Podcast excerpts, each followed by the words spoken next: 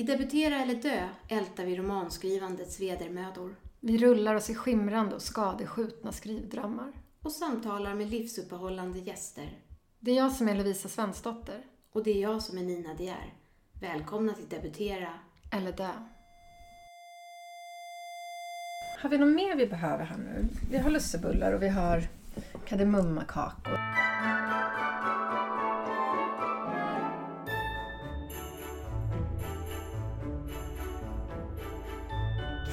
Eh, i glögg.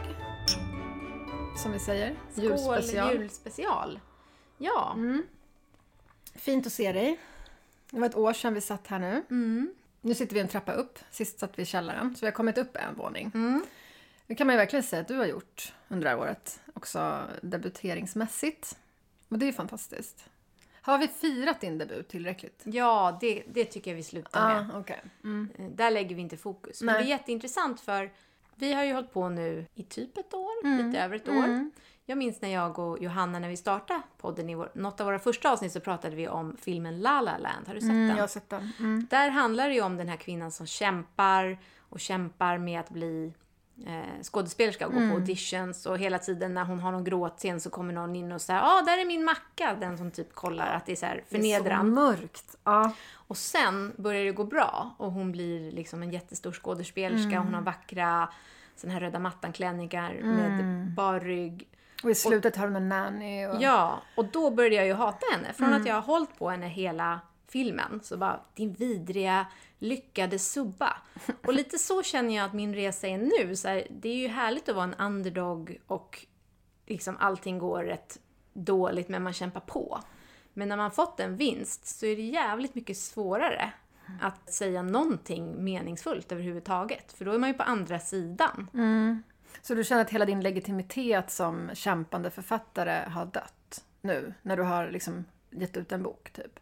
Alltså jag kanske är hård mot mig själv för att det är ju verkligen inte så. Jag har fortfarande inte fått en enda krona betalt. Jag jobbar två jobb på golvet, lågavlönad och har typ slutat skriva för att jag inte hinner med jobb och allt det här. Men på något sätt så kan jag ändå identifiera mig med den här lyckade La La Land-kvinnan. Kanske för att jag har från poddens början sett det ändå som omöjligt att det skulle gå. Men det har ställt allt på ända, rent existentialistiskt för Att mig. bli debuterad? Ja, vad det är jag nu ska säga i den här podden. Jag känner hatet. Mm, mot dig själv? Ja, Jag tror att du är hård mot dig själv. jag kanske Alltså, överdriver helt. Så jag tror att din underdog-stämning skulle jag nog säga är mer en personlighet. Så hela den här underdog-grejen tror jag att du bara har. Den liksom är...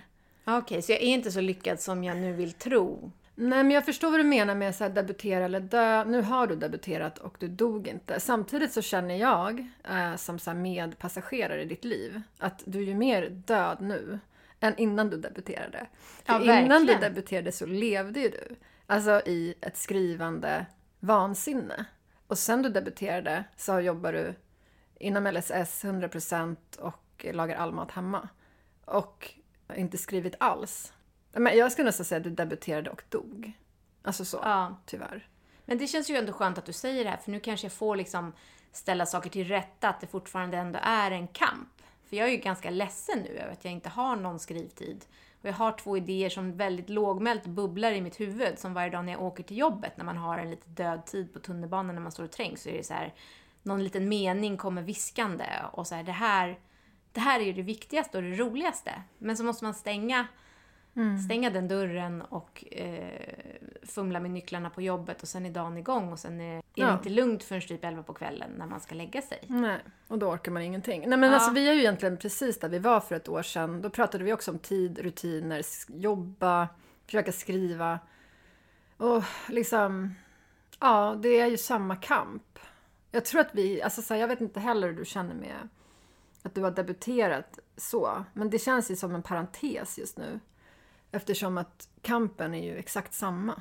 Ja, så det var ju lite som ett lyckokast men var en engångsföreteelse. Det är ju en engångsföreteelse och debutera förstås. För att absolut, jag är ju lycklig på det sättet att jag har en förläggarkontakt så om jag någonsin skriver någonting mer så kanske jag kan liksom höra av mig till henne och fråga om hon vill läsa det. Men det finns ju inga garantier eller att jag har någon så här bok två kontrakt Utan det är ju jättesvårt att få ihop någonting som verkligen funkar som en roman. Alltså det kan ju ta massor med år. Att man också... Helvete att få ihop. Ja. Att man måste gå fel. Alltså tyvärr är det en sån konstig process. Att man kanske måste gå fel ett år för att sen säga okej men den där bihandlingen det var ju den som var den viktiga, riktiga handlingen. Och så har du skrivit åtta karaktärer som du bara ska ta bort. Eller jag vet inte. Det är väldigt...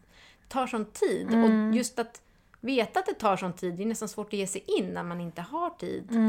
Nej, jag vet. Ja. Men alltså, jag förstår vad du menar. Och eh, det var ju det vi sa ganska tidigt också. Att alltså, ska man ge sig in i det eh, när man vet, nu när man vet hur jobbigt det är. Alltså så här, du kanske bara ett tag har valt att sätta stopp.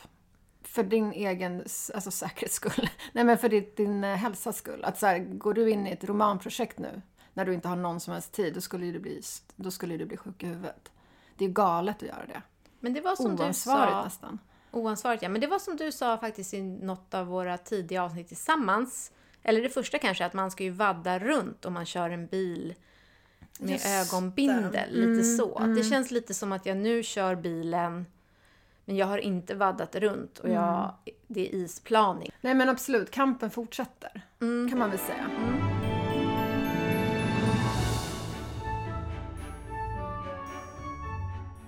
Men om man då tänker så nu då. Har vi ju då ett år bakom oss som är jätteintressant. Herregud. Ja, det Alltså, har hänt jättemycket. Ja. Och jag känner också här att det, också, det har blivit lite så här som att jag har ju kapat eh, hela utrymmet i podden om den här jävla boken. Så att ibland har jag inte ens hunnit fråga dig hur det går för dig. För det är ju egentligen faktiskt den osynliga kampen, att man fortsätter ta sig tid och skriva varje dag fast man inte vet någonting om vad det kommer bli, om det någonsin blir en bok. Man har ingen kontakt, man kanske aldrig ens har skickat till förlag, men att, att fortsätta med ett projekt, det är ju det som är debutera eller dös kärna, känner jag. Och nu har jag liksom glidit bort helt från den där osynliga kampen, för jag gör den inte, men du fortsätter ju. Ja, jo, jag kämpar ju på och gör eh, det så jävla gott jag kan. Och jag tycker också att det känns som att efter att du debuterade, det här är ju alltså bara jag, jag vet inte om någon annan tycker så här, men efter att du debuterade så känns det som att, att faktiskt jag som debuterar eller dö-fan då, eller nu som debuterar eller döare, eh, känner mig närmare. Att kunna lyckas jag också. Alltså jag tror att den kampen jag följde och alla andra, eh, och att den faktiskt lyckades, eh, har stärkt mig jättemycket. Jag hoppas att den har stärkt andra också. Så jag menar på det viset är det ju bra att du lyckades. Även om du själv känner att du har blivit en snobb. Så är det ändå värt för oss andra att du har fått en så här, personlighetskris efter det. För att, att du lyckades är skönt. Men ja, nej men det är ju en sjuk grej att fortsätta kämpa på utan att veta om man får kontrakt. Eller ens... Jag har absolut inte skickat in till något förlag. Och det här med att man träffar folk hela tiden i den här podden som är jättelyckade och vunnit priser. Ska vi släppa in Poppy? Ja, det är det. Vilken dörr. Ja, kanske köket. Hej Poppy, kom kom. Nej, men jag tänker på det där liksom med att också då i podden hela tiden träffa folk som... Fan vad det går bra för folk. När man väl hittar en sån där äh, författare som man är intresserad av och tänker gud vad kul att träffa den och sen så börjar man och så bara ja just det. Den har ju redan lyckats och man har missat hela den kampen. Och man kan prata om den i efterhand men det är aldrig lika jobbigt. För den är redan lyckad. Men i alla fall, sen så... Eller sen ville jag ju träffa någon som inte hade lyckats. Eller att man kunde prata om någonting annat än att lyckas. För att det är sånt fokus på priser och sånt där. Och det var ju roligt då att du blev väl nominerad till någonting. Då mitt i det. Att vi skulle också möta annat, alltså typ kärnan och processen. Och så går du och blir nominerad mitt uppe i allt. Vad, vad fan var det? Vad hände där? Ja, men det är ju inte ett så kreddigt pris, det kan vi i alla fall trösta oss med. Eller vad man ska säga. Alltså det här var Adlibris-priset. Det har bara funnits i några år. Det är väl såklart lite mer kommersiellt pris tänker jag. Eftersom Adlibris ändå är en nätbok. Ja, men vad blev du nominerad till då? Men de har nio kategorier varje år som de nominerar tio böcker. Så det är alltså 90 böcker som blir nominerade och det är olika kategorier. Så här, Årets roman, årets fackbok, årets ungdomsbok, årets barnbok. Vad missar jag? Årets deckare och så såklart årets debut. Ah. Och där kom du in. Ja, så då var det tio, bland de tio böckerna som blev nominerade till årets debut så var jag en av dem. Och det var ändå väldigt roligt, även om det är ett kommersiellt pris som kanske syftar till att kränga böcker så har de ju ändå då på något sätt lyft fram ens lilla bok i den här enorma floden. Alltså om det är 120 debutanter eller någonting så var ju det roligt. Och det roliga var att jag sa det här till eh, mina chefer på jobbet. Jag har två manliga chefer som inte är läsande personer. Så, så sa jag, jag har blivit nominerad till det här priset för jag har försökt flagga ett tag för att jag vill gå ner i tid. Men de säger det är inte möjligt just nu. Och då försökte jag på något sätt övertyga dem om att jag ändå har det här författarlivet vid sidan av och att jag på något sätt är ändå lite lyckad att de ska ta mig på allvar i det här. Och då sa jag att eh, kriterierna för hur de eh, valde ut de här nomineringarna det var eh, tre saker. Det var popularitet, försäljning och potential. Okej. Och det var ju ändå fint tycker jag, att man blir nominerad eh, bland massor med debutanter i de här, eh, för de här tre kriterierna. Och då sa min chef, som då är mycket yngre än mig, han är 30. Eh, ja, i ditt fall måste det ju varit potential de gick på. Oh, men gud. Eller hur? Var inte det jävligt konstigt? För jag tänker, det var väl ändå Det en sammanblandning av de här tre. Ja. Okej, ja det var lite hårt och skevt. Ja, massa. Ja. Ja, men därför så känns det ju ändå lite skönt att någon påminner en om att men du har ändå fortfarande skrivit en bok och du blev nominerad till det här priset. Ja, Jag jo, tycker men det är fint. Lite roligt när du var så här, är det lite Augustpris? Jag blev i alla fall nominerad till ett annat pris på A. Det är jätteroligt. Men okej, så det är inte så här fint kulturpris, men det är ändå ett pris. Ja. Liksom. Mm. Det roliga var också att jag vet ju att jag inte kommer vinna. För det är ju lite mer finare böcker med. Till exempel bland annat Kaffe med mjölk. Och det var ju så himla roligt när du gjorde avsnittet Kaffe med kött. Så jag tyckte det var ett fantastiskt avsnitt. Alltså det var lite som att jag åkte snålskjuts på det. När du typ ändå nämner mitt namn. Jo, men såklart. Du var ju i Göteborg, bokmässan, samtidigt. Du Ja, kunde inte vara i? Piteå. Nej. Men eh, det är väl mer rimligt att den kanske vinner. Kanske. Mm. Men ändå, det är ändå lite skönt då att på något sätt få flanera med de här lite finare Ja, men jag vet gud, inte. men det är Ja. supergrattis till det. Liksom, såklart. Och jag är ju jätteglad för att du blir nominerad. Det är en helt annan nivå.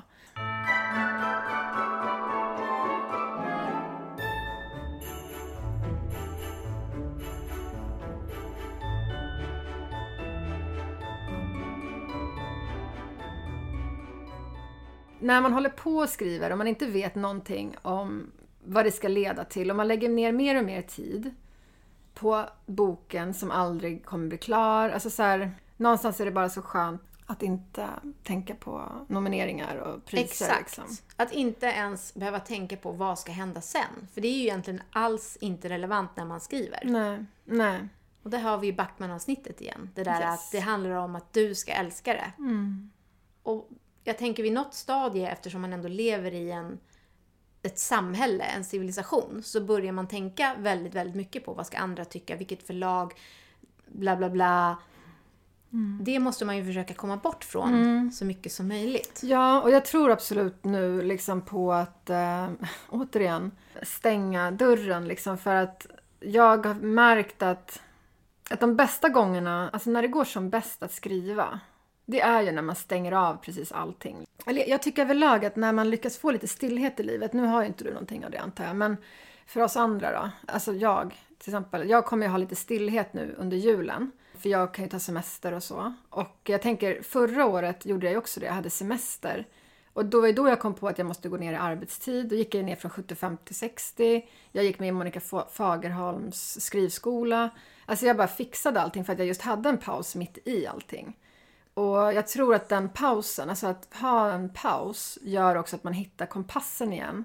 Och nu det här året så jag har skilt mig, du har debuterat och efter det har du bara jobbat hur mycket som helst. Jag har också jobbat hur mycket som helst. Och jag, jag bara, eller liksom jag har haft så mycket omkring mig med bodelning och skit liksom. Och jag bara tänker att när man då, när man har chansen att få några dagar eller några veckor av stillhet så har man också möjligheten att ha, liksom, rikta in kompassen rätt igen. Och jag menar i ditt fall så kanske det är att stå på sig lite till dina chefer, den här unga chefen som inte förstår någonting eventuellt. Det är kanske lite hårt, men din unga chef som inte riktigt förstår att du har mer än potential, att du också har en begåvning. Nej men att du också står på dig så här, men vill jag skriva eller vill jag jobba inom LSS? Och i mitt fall att så här, väl allvarligt fundera på, ska jag gå upp på 100% eller ska jag fortsätta på 60%?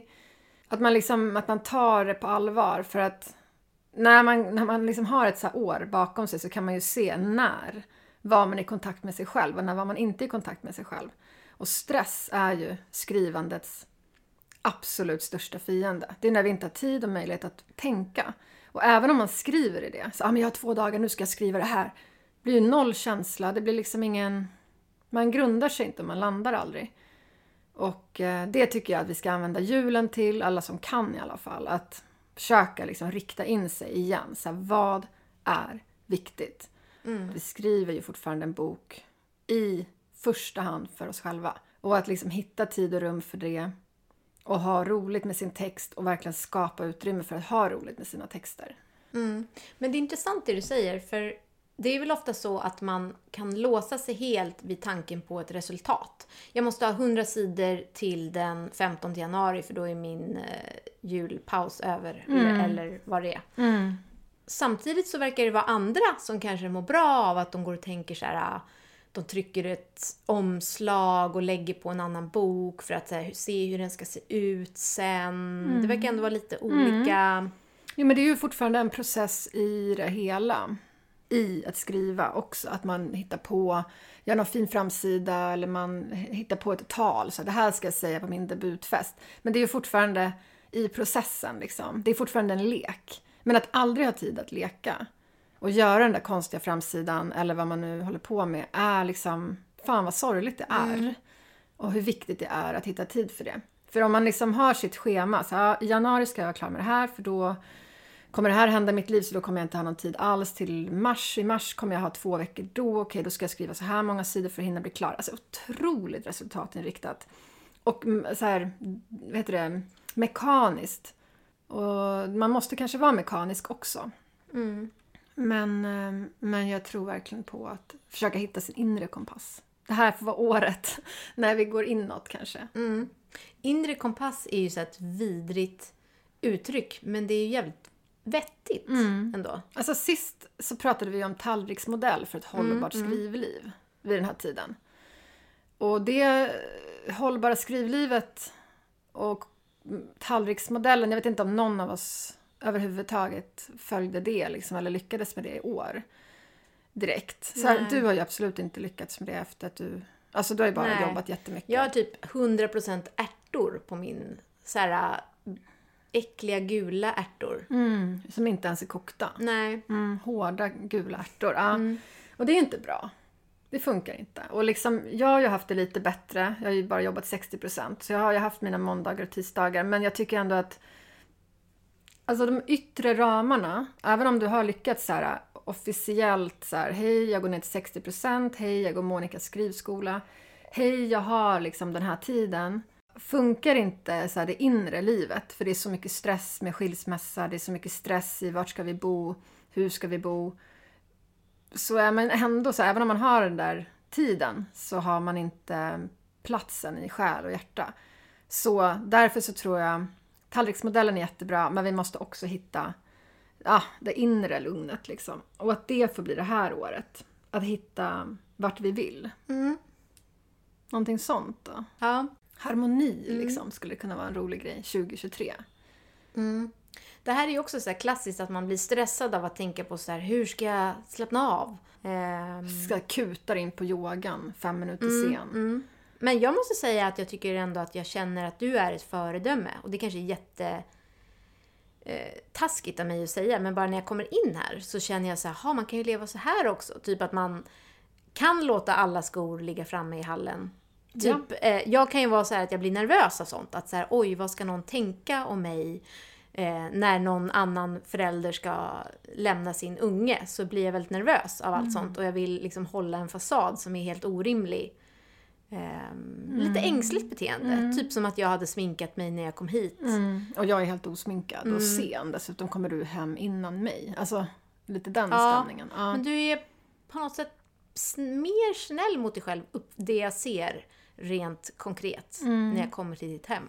Ja, det är intressant. Um, jag tror att en bra grej för att släppa släppa sådana saker, det är att ha massor med annat i livet som är ännu värre. Man måste hålla kontakt med familjerätten så du, du har fan inte tid att Ja. tänka på vilka skor som står i Ja din men hall. exakt, lite den nivån. Och det, jag vet inte om det är positivt eller negativt, men det gör ju åtminstone att den grejen inte blir ett så stort problem för mig. Så, men det är ju absolut en bra grej att tänka på inför då det här lugn och ro-året som vi ska ha. Att till exempel sänka sådana krav eh, på hur det ska se ut och allt sånt där. För det är ju helt meningslöst. Alltså så här, allt man bara kan skita i är ju jättebra. Tänker jag. Ja, bra. Då har vi det. Mm.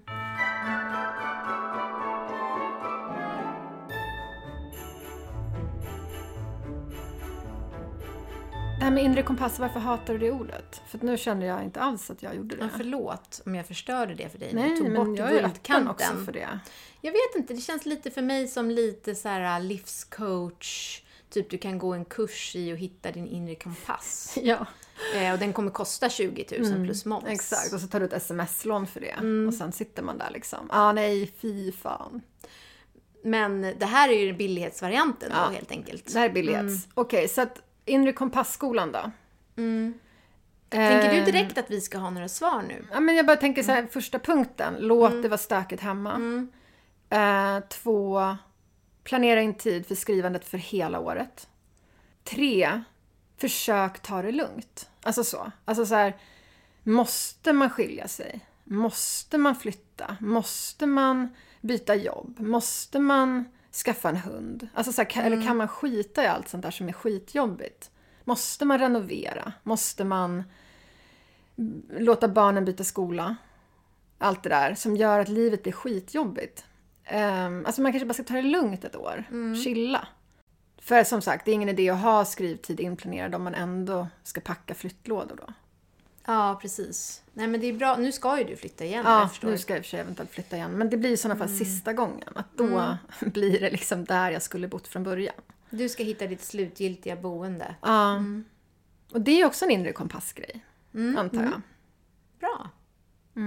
För det här året som gick, då skulle vi flytta till det här huset och vi skulle börja på någonting nytt. Nu ska jag ju bara flytta tillbaka till där jag bodde innan.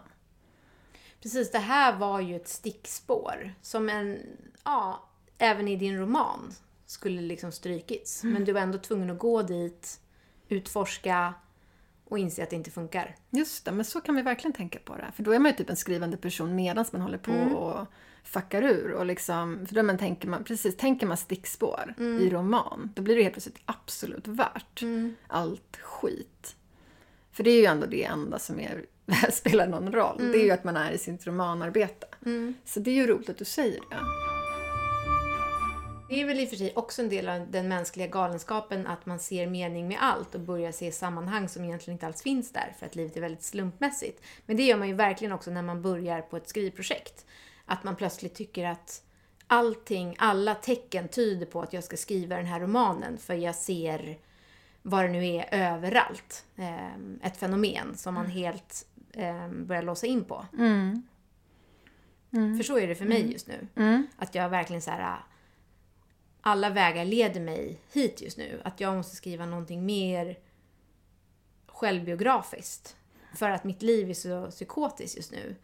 Och att jag vill skriva om mina manliga chefer.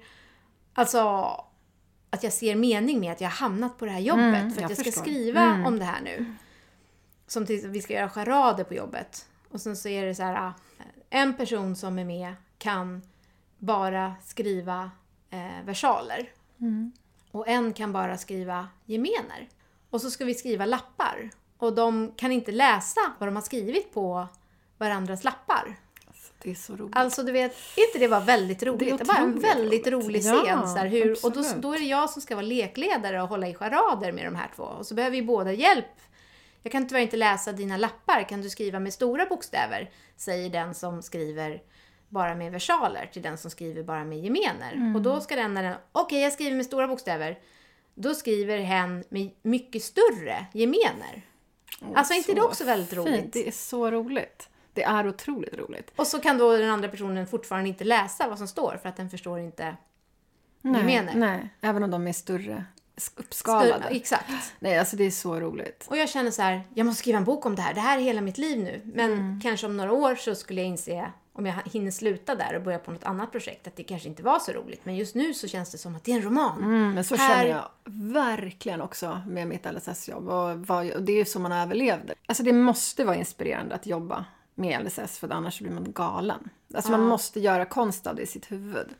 Hela tiden, varje dag. För varje dag är otrolig. Det Men är, är, vi lurade? Lurar vi oss själva? Att jag måste vara kvar där och ha den här ganska låga lönen för att jag får stoff? Så har jag ju känt med hela den här skilsmässan också. Det är ju också ett eget romanprojekt som jag håller på med.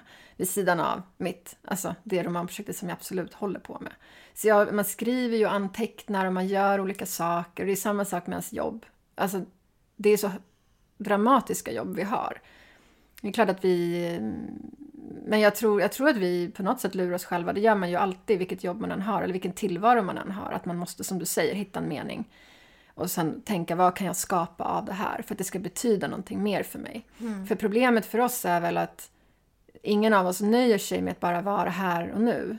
Utan det måste dessutom finnas en annan dimension. Eh, att vi alltid måste få sen gå hem och så här, okej, formulera allting vi har varit med om. Och det är ju en störd grej. Alltså jag önskar ju så mycket att jag bara kunde vara en person som Gud vad härligt vi har haft det idag och nu går vi hem och vilar. Men för mig är det så här, gud vad härligt vi har haft det idag. Nu måste jag gå hem och skapa konst av just den här situationen. Och det är hemskt. Mm. Och där uppfattar jag det som att du är ändå... Alltså du har ännu starkare behov än vad jag någonsin haft. För jag kan få sms från dig som är så här, haft en underbar dag. Där det där, jag mår så jävla dåligt slutar det med för att du inte har fått skriva. Fast det har varit en helt underbar dag. Så du kan inte ta den förlusten på skrivkontot och att du inte har kunnat skapa den dagen. Det är som att konsten är allt och allt annat är... Material. Ja, exakt. Det är så sjukt. Och dessutom lever jag superkaosigt liv, liksom skilsmässa och hund har jag ju skaffat och tre barn med tre olika pappor. Och alltså så här, det är ju som att så här, vad fan håller jag på med? Men det är därför det här året 2023 då, tänker jag, som eh, alltså i min debutera eller dö eh, kamp, att det ska vara att jag tror att det som kommer få mig att komma någon vart det här året är att eh, lugna ner mig och sluta hålla på liksom, och addera, addera, addera. Vi får se. Men det är ju spännande för du är ju bara 39. Fan vad långt det har kommit ändå. Som har tre barn. Alltså jag har ju träffat två av dina barn idag och de är ju vuxna människor. Den ena känns ju som art director på en, reklambyrå. Typ som swishar förbi i en trenchcoat. Och är mycket mer mogen än vad någon av oss är. Ja, gud.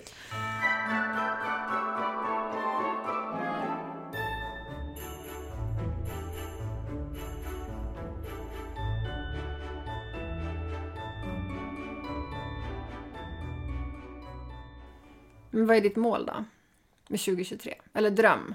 Det är absolut att komma igång med ett projekt som jag har jättemycket tankar. Du vet, man skriver anteckningar på mobilen och, och allt sånt där. Mm. Är det LSS-relaterat eller är det ett projekt som tidigare? Nej, jag har, eller jag har två. Det är också intressant eh, hur man, allt det vi pratade om nyss, att man inte ska tänka resultat och om någon vill ge ut det och så vidare. Jag var ju på ett författarsamtal i Göteborg för inte så länge sedan som var med min förläggare. Eh, Då när publiken, de hade ju mest frågor till förläggaren faktiskt, eh, än mig. Och det är ju för att så är det ju, man vill ju eh, veta vad de ger ut och vad händer med manushögen och så här. Och då fick hon ju frågan jättemycket då, min förläggare, eh, vad de letar efter och sånt där. Och då sa hon eh, gärna något episkt faktiskt. Och då menar hon alltså någonting som är så ganska långt från självbiografiskt och som är mer eh, verkligen en, en stark berättar, berättardriven historia. Och då hade jag precis suttit och tänkt jag tror att jag nog ändå måste skriva någonting mer självbiografiskt för en gångs skull. Och då när hon sa det så, så direkt så var okej fast det kanske jag skiter i. Jag, jag satsar på det för det andra är lite mer episkt. Hur man så snabbt som en psykopat, eller vad säger man, sociopat, bara säger okej. Eh, det är väldigt svårt att hålla borta de där yttre rösterna. För att man vet hur mycket tid det är. Ja, ja, ja. Nej, men gud, det är ju hemskt. Alltså, men men alltså, efter massa år av att ha lyssnat på sånt där själv så känner jag att de vet inte vad de pratar om. De har ingen aning om vad de letar efter. Det säger de ju till och med själva i samma mening. Det är bara att när vi lyssnar på det, som är så desperata människor som vill bli utgivna, så hör vi de här konkreta genreserna. Men det de också säger är att de inte heller kan säga vad de söker. Mm. Tycker jag. Och det är också så att när man väl harvat igång med projekt fem år senare, då är väl, letar de väl efter något annat. Ja, så men exakt. det är inte så lyckat att försöka starta igång något episkt kanske och tro att det kommer landa. Nej, nej men exakt. Det, det är viktigt och det är sant. Att det är ingen idé att lyssna på det där. Ja, men det är knepigt. Det är väl också igen tillbaka till kärnan, så här, varför skriver man? Vill man skriva en bok eller vill man ha skrivit en bok? Och det måste jag påminna mig själv hela tiden. Att jag måste ju också få på något sätt kunna få vara nöjd med att bara få vara en skrivande person och inte fokusera på, kan jag leva på det? Kommer det bli någonting? Kommer det i så fall mottas väl? Kommer jag bli nominerad? Det är ju helt sjukt att gå och tänka så. Nej men det går inte. Det blir ingenting avgjort. Det blir ingenting gjort. Ehm, nej men jag tycker det vore coolt att testa bara en helt annan tanke. Liksom att vara öppna i vardagen för de här viskningarna, tankarna och sluta ha så höga krav på sig själva. Jag har också jättehöga krav på mig själv. Jag känner mig helt värdelös som inte skrivit klart min bok det året. Igen, ännu ett år när jag inte skrivit klart min bok och allting. Um, jag tror att man behöver öppna öronen och sinnena för att vara mottaglig till sin värld och text. Och öppna för konsten och inte för resultaten. Liksom. Mm. Man kan ju testa. Men ska vi ändå prata lite om det? För nu får jag ju väldigt starka minnesbilder av att du älskar ju nyår. Eller hur? Och att du la upp en bild när du var på landet. Och sen har det flutit massa vatten under broarna bara kring det landet och i din skilsmässa och allting. Men då minns jag att du var glad, du hade liksom börjat skriva direkt i din nyårsfestblåsa. Eh, festblåsa. Och typ ditt mål var att bli klar och skicka till förlag. Får man ens ta upp det? Eller blir det konstigt om jag nu ändå frågar så här i en julspecial Ja. med en hund som snarkar bredvid. Ja. Hur du ser på det nu? Ja, nej men jag tycker väl så här att det som hände där och då var jättebra och det gjorde att jag planerade året för att bli klar. Och jag gjorde det. Jag gick ner 60%, jag tog massa beslut, bla bla bla. För att kunna hitta tid att skriva klart boken och skicka in till det här förlaget, eller till något förlag, jag har ingen aning. Men, ehm, men jag känner ju ändå att det som hände under det här året är ju att akt två är klar och nu ska jag skriva slutet i jul. Och det är också ett julslut. Så jag har nu precis idag faktiskt bestämt med mina tre barns olika pappor att de ska ha barnen i en vecka under jul. Och jag ska åka till mina föräldrar, till deras hus, ehm, som också är på landet och sådär härligt. Ehm, nu när jag förlorat mitt egna landställe eftersom att han fick det i bodelningen. Ehm, men att jag då åker till landet, är där en vecka och ska skriva det här episka julslutet. Så att det ska bli skitkul också att skriva ett julslut på jul. Alltså jag tror att det kan bli roligt liksom. Och sen är det klart. Alltså slutet är inte så långt. Det kanske typ... Det är inte så jävla långt. Slutet... Jag trodde det skulle vara jättestort och jobbigt men Monica då, Fagerholm, har ju liksom hjälpt mig under året och så har konkretiserat lite och hjälpt mig så här strukturera det här. Och slutet är inte så jävla långt. Det ska bara skrivas. Så du är faktiskt i fas? Ja, alltså jag hade väl tänkt att jag skulle vara klar i december. Alltså så, alltså sig, det är ju fortfarande december. Ja, det kanske är i fas.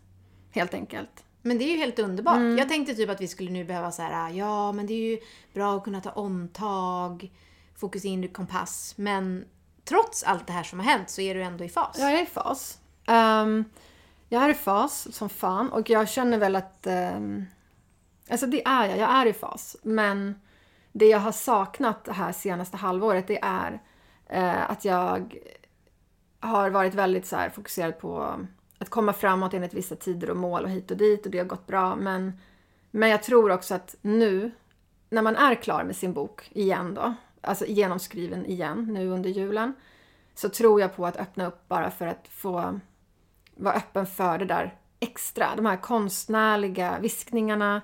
Jag var ju också uppe på den här researchresan och såg helt fantastiska saker som jag inte hunnit skriva in i min berättelse. Alltså miljöbeskrivningar, människor jag mötte, allt det där strösslet liksom. Det är det jag vill ha tid att skriva in nu under 2023.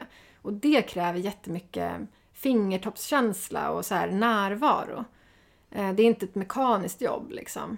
Eh, Och det är det jag känner att jag har saknat lite det här året. Det här, ehm, ja men, det här sinnesstämningen.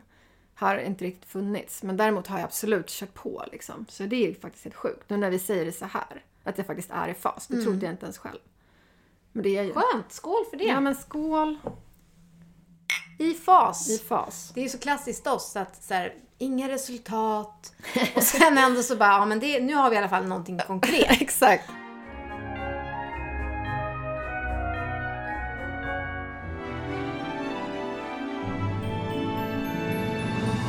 Ja, men en annan grej som jag tänker att vi ska också prata om i det här avsnittet.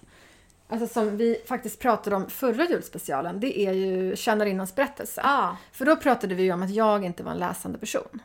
Och det har det ju verkligen blivit. Det har jag blivit under 2022. Jag har läst jättemånga böcker. Jag har bland annat läst Sommarsorger av Nina De Aar. Men också andra böcker. Ehm, och jag har också läst Tjänarinnans berättelse ju. Eftersom att du tipsade om den. Och jag har läst den här flera gånger nu. Ehm, och nu då... Så förra julspecialen så sa vi så här, men kom med skrivtips så får man... Så lottar vi ut den här boken. Och så skulle man få vinna den. Ja. Och nu är den väldigt nött. Alltså det blir ju min, mitt läsex som vi lottar ut. Men jag tänker att vi borde ju då gå igenom eh, tävlingen som vi hade då. För då var det ju folk som skrev tips.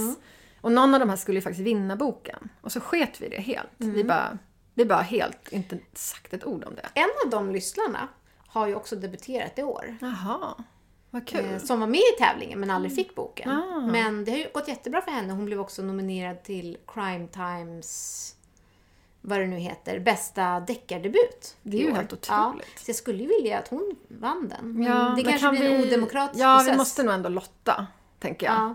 Så jag tänker att vi gör det. Eh, och sen får jag skicka den här boken till den personen. Ja. Så vi går in här nu på Instagram. Jag tror att det var på båda våras Instagram som Ja. den här tävlingen pågick. Ehm, men om du gör så här nu i ditt huvud. Att du tänker på en siffra. Mm. Så går jag in och sen så bara räknar jag. Sen när du säger siffran så kollar jag först. Eller säg bara en siffra. sen så ska jag räkna vem i ordningen som... så Vi säger jag- sju. Okej.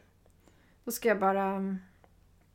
Då ska jag bara hinna in här. För jag ska gå in på Nej, jag min säger också. 13. 13. Mm, mm, mm. Förstår du hur du tänker? Ett ögonblick här. 13 säger du. Då ska vi se. Då ska vi dra en vinnare. Alltså tävlingen var ju så här.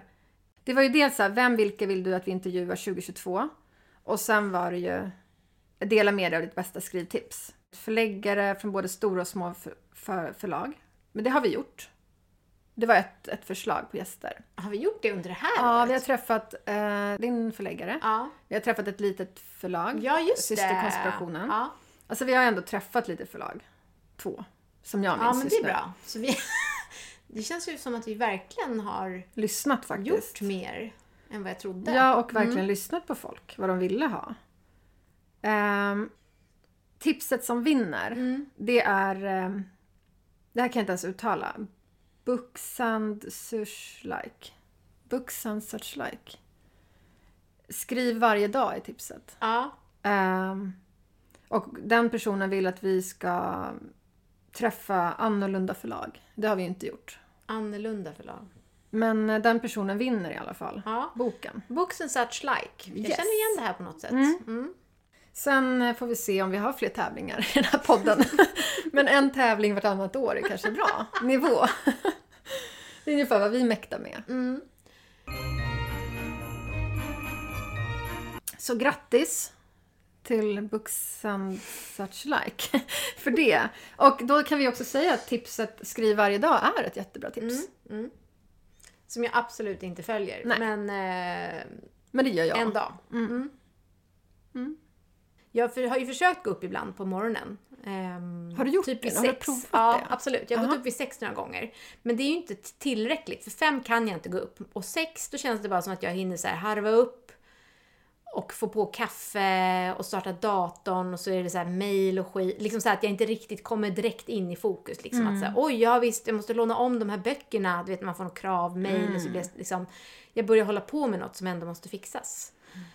Och sen så kommer familjen upp och så är det igång och så blir ändå sent till jobbet. Mm. Jag har ju haft det för bra innan, att jag kunde skriva så här sex timmar på en dag. Och då liksom första timman kunde vara lite uppvärmning och man tar det lite lugnt och liksom kanske gör någon jävla flödestext, även om vi egentligen hatar sånt. Men alltså man, man kan ändå kosta på sig det.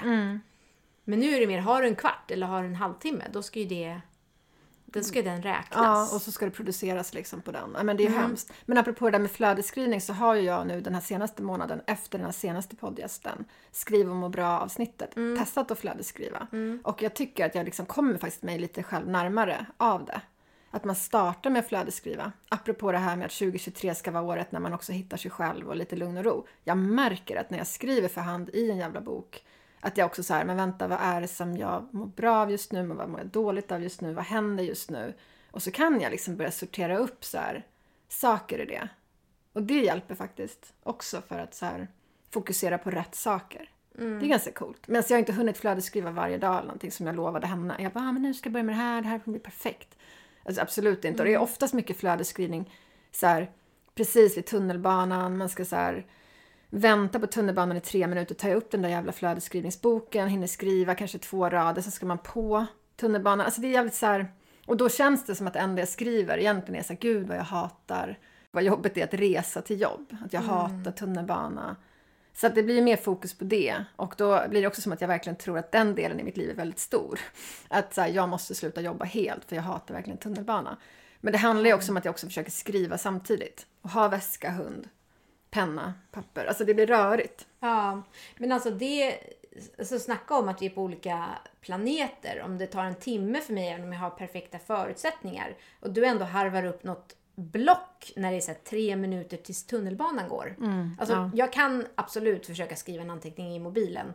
Men ofta tycker jag så att det är ändå så här don't bother. För att det blir... Man kan ju skriva ner någon mening som så här, sen ska så här, den här ska jag ha till sen och då ska jag väva ut den. Mm. Men det där du håller på med, alltså det låter helt sjukt för mig. jo. Men det verkar ju bra om det funkar. Jo men någon, något det är väl bra. Alltså, på något sätt så mår jag bättre av att ändå försöka hela tiden. Men jag tror att jag blir ganska stressad av det också. Och det är väl därför jag är lite sugen på ett 2023 med så lugn och ro och harmoni tema. Det vet jag ju inte vad det är liksom. Jag har ju aldrig testat det. Alls, verkligen inte.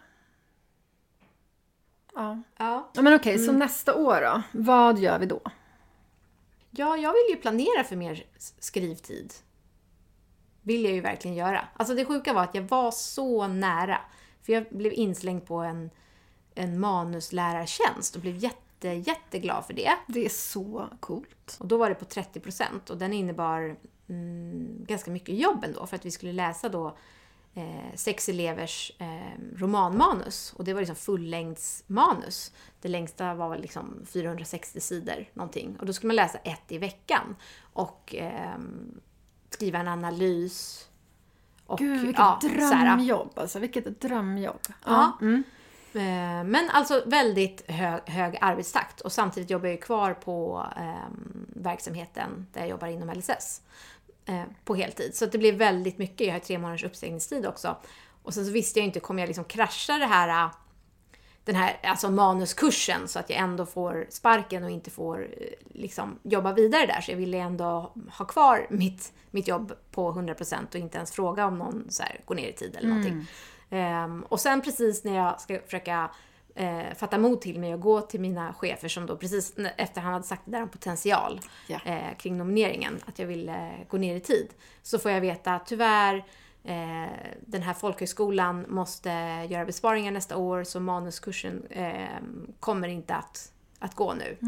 Som jag förstår det varken alltså vårterminen eller höstterminen nästa år. Och sen får vi väl se om det blir aktuellt 2024. Men då var det som att när jag skulle så här, försöka gå ner i tid och kanske öppna upp för att bli en mer, alltså som fick vara i den här skrivande världen mer, även om då att jobba med andras manus, men det är också att hålla sig väldigt nära. Och att jag kanske kunde då ha, i och med att jag hade ett sånt jobb på distans, kunde få mer skrivtid om jag var hemma, att jag kunde kombinera det på något sätt. Men då var det som att jag slungades tillbaka så här, nej, du får inte gå ner i tid på eh, det här jobbet på golvet, utan du måste ju jobba kvar där. Och nu är jag ju då från den 16 december inte alls manuslärare längre, utan jag jobbar bara på golvet. Så det var ju Ah. kanske inte så lyckat. Nu ska jag Nej. kanske försöka söka, söka någon så här skrivlärar-gig någon annanstans, men det är ju ganska svårt. Och hur bra är jag på att pitcha in mig själv. Du är ganska dålig som på det. Ja, Du är dålig på att pitcha in dig själv överhuvudtaget. Du jobbar ju på ett annat sätt kan man säga. Att du liksom så här, jag vet inte. Nej, nej men det är du inte bra på. Pitcha in dig själv. Det Men måste du bli bättre på. till mitt försvar, Mm. eller för att lyfta mig själv. En i den här manusgruppen har redan blivit erbjuden ett kontrakt. Ett Mhm. riktigt bra kontrakt. Så det var ju ändå väldigt stort. Det är roligt. Gud vad underbart. Men det är det som verkar så kul med att vara skrivlärare. Att man kan hjälpa folk framåt och hitta sina vägar framåt. Alltså så här, wow. Alltså det måste ju vara drömjobbet liksom. Ja. Nej men du, du har ju haft det här liksom. Du, du har traskat på det här året med att inte lyckas komma in som skrivande person riktigt ordentligt någonstans men ändå debuterat. Det är ett ganska konstigt år liksom. Och så har jag varit och nosat på att vara liksom kulturarbetare som får lön. Mm. Eh, även om det var då en mindre tjänst. Som tog slut Ja, jättesnabbt. och nu känner jag mig längre bort från den världen Mm. i- igen. Ja. Det är knepigt.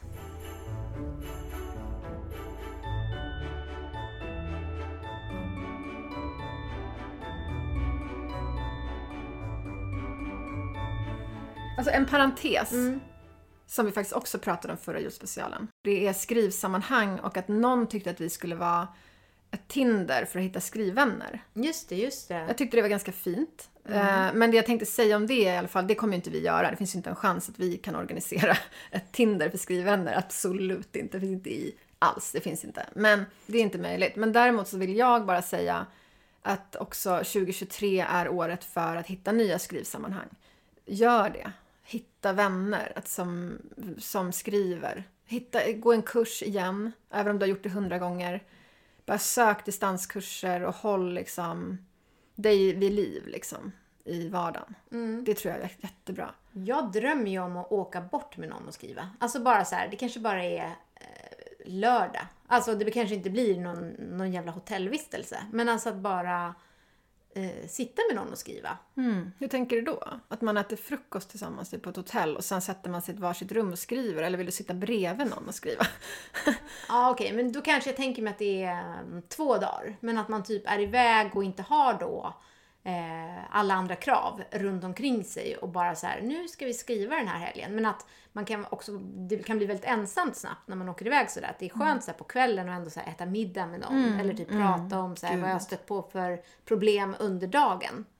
Frågan är om man är i samma rum eller inte. Men att man i alla fall kan sammanstråla på raster. För då blir man oftast lite gladare. Och man kan liksom stötta varandra. Men det är kanske är någonting för oss att Ja, göra. men kanske, kanske.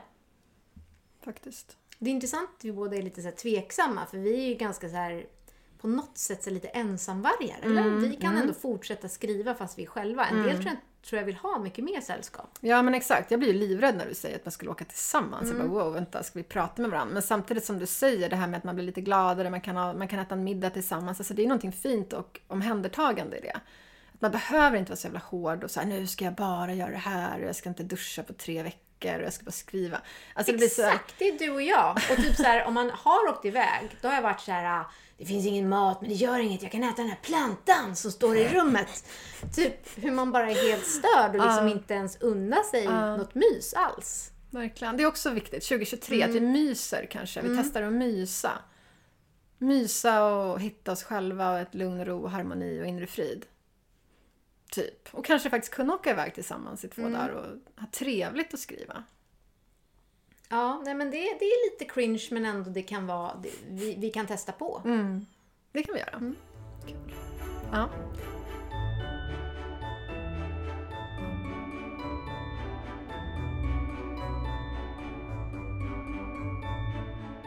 Grejen då med podden, debutera eller dö. Jag tänker då nästa resa. Du är så här, nu är det så här att då kanske jag kan lyckas skicka in någonting i april, vem vet? Då har jag kanske strösslat klart. April är bra. Ja, men det är fint. Det är en trevlig månad. Eh, också den månaden som du debuterade. Väldigt trevligt. Eh, nej, men så, här, så att jag tänker att kampen debutera eller dö liksom fortsätter ju, antar jag, med mig. Alltså tills Ja. det är klart. Eh, och tills dess så får vi bara liksom fortsätta träffa gäster och liksom jag får väl bara tänka så här, hur många orkar jag träffa som är lyckade och sen får man varva det med folk som är misslyckade. Bara för att orka. Det hade varit Och- kul med lite misslyckade gäster. Men det är också så väldigt svårt att värva dem och säga hej, vi vill ha dig för du verkar misslyckad. Mm. Så vi kanske inte kan säga ens... Kanske inte rakt ut. Men Nej. mer så ja ah, du verkar intressant. Din process verkar väldigt intressant. Den stämningen kanske. Men hur känner du då? Liksom? Du har debuterat, du har ju också nästan dött. Tycker jag. alltså skrivdött. Um, var befinner du dig? Liksom, är du fortfarande i så här, vad, är, vad, kallar vi dig nu? Debuterad och död? Eller liksom, vad, är din, vad blir din resa? Alltså så här, för nu har vi ju så här, du debuterade, du gjorde ett avsnitt med din förläggare i maj. Sen har du varit helt frånvarande. Alltså det här behöver vi inte med. Men så här, vad känner du att du vill nu med podden?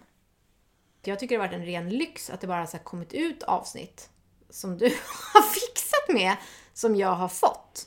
Alltså det är ju lätt att man blir rätt nöjd och bara så här, det här var ju... Alltså att jag blir en ojämställd poddare som bara så här, ah, vill att du gör podden och att jag konsumerar den. Ja. Men det är ju jättekul om du lyssnar. Alltså bara det är ju värt för mig också. Då har vi ju en liksom. Nej men det är folk som lyssnar, Ja. nu ska inte vara sådana. nej, det det säger är det. statistiken att det är. Men är absolut, många. det har ju Mm. varit lite oklart så här, vem är det som eh, står bakom podden? Mm. Typ är jag någon så här tyst ägare som har dragit till Bahamas? Det känns så. Ja, det är ju lite stört. Eh, nej men så här, vi behöver bara ha en så här, vi behöver pitcha in nästa år. Mm. Nästa år, då börjar vi ju med att jag träffade Peter Reveny, min gamla manuslärare, på Alma Lööfs manusutbildning. För att jag ville prata om slut. För det är det jag håller på att skriva om. Ett otroligt egoistiskt möte. Men när jag träffade henne och pratade om slut och helt och hållet mitt specifika slut. Det kommer bara handla om mig och min bok och mitt slut. Jag ska klippa lite och se till att det blir lite intressant för andra. Men när jag insåg det, att man kan använda podden som en plattform för att prata om sin egen skrivprocess. Då blir det ju otroligt värdefullt att göra podden och förhoppningsvis också att lyssna på podden. Men så har jag ju alltid jobbat. Alltså Ja. jag har ju alltid trott att jag ska så här, intressera mig för en gäst, men tagit över. Ja, det har du alltid gjort. Ja, så det är ju absolut eh, bara vi fortsätter på samma sätt Det som vi fortsätter alltid på gjort. samma. Mm. Ja. Ja. Och då har vi ett år framför oss som kommer vara exakt likadant som alla andra år då, Ja. antar jag. Men med lite mer fokus inre kompass. Och det sa vi verkligen förra julspecialen också. Mm. Men, eh, men absolut, vi kan säga det igen, och vi har sagt det förut, att inre kompassen är viktig. Resultat är helt ointressant. Och sen så kommer det bli exakt likadant igen. Ja, vi hörs julspecialen 2023 om inte och hör annat. hur det gick. Ja. Nej men god jul Nina! Ja. Hoppas att din jul blir fridefull, eller vad man säger. God jul bästa. God jul. Och med de orden, Ja, med Gott den slut. klunken. Ja. Gott slut och gott nytt år. ja.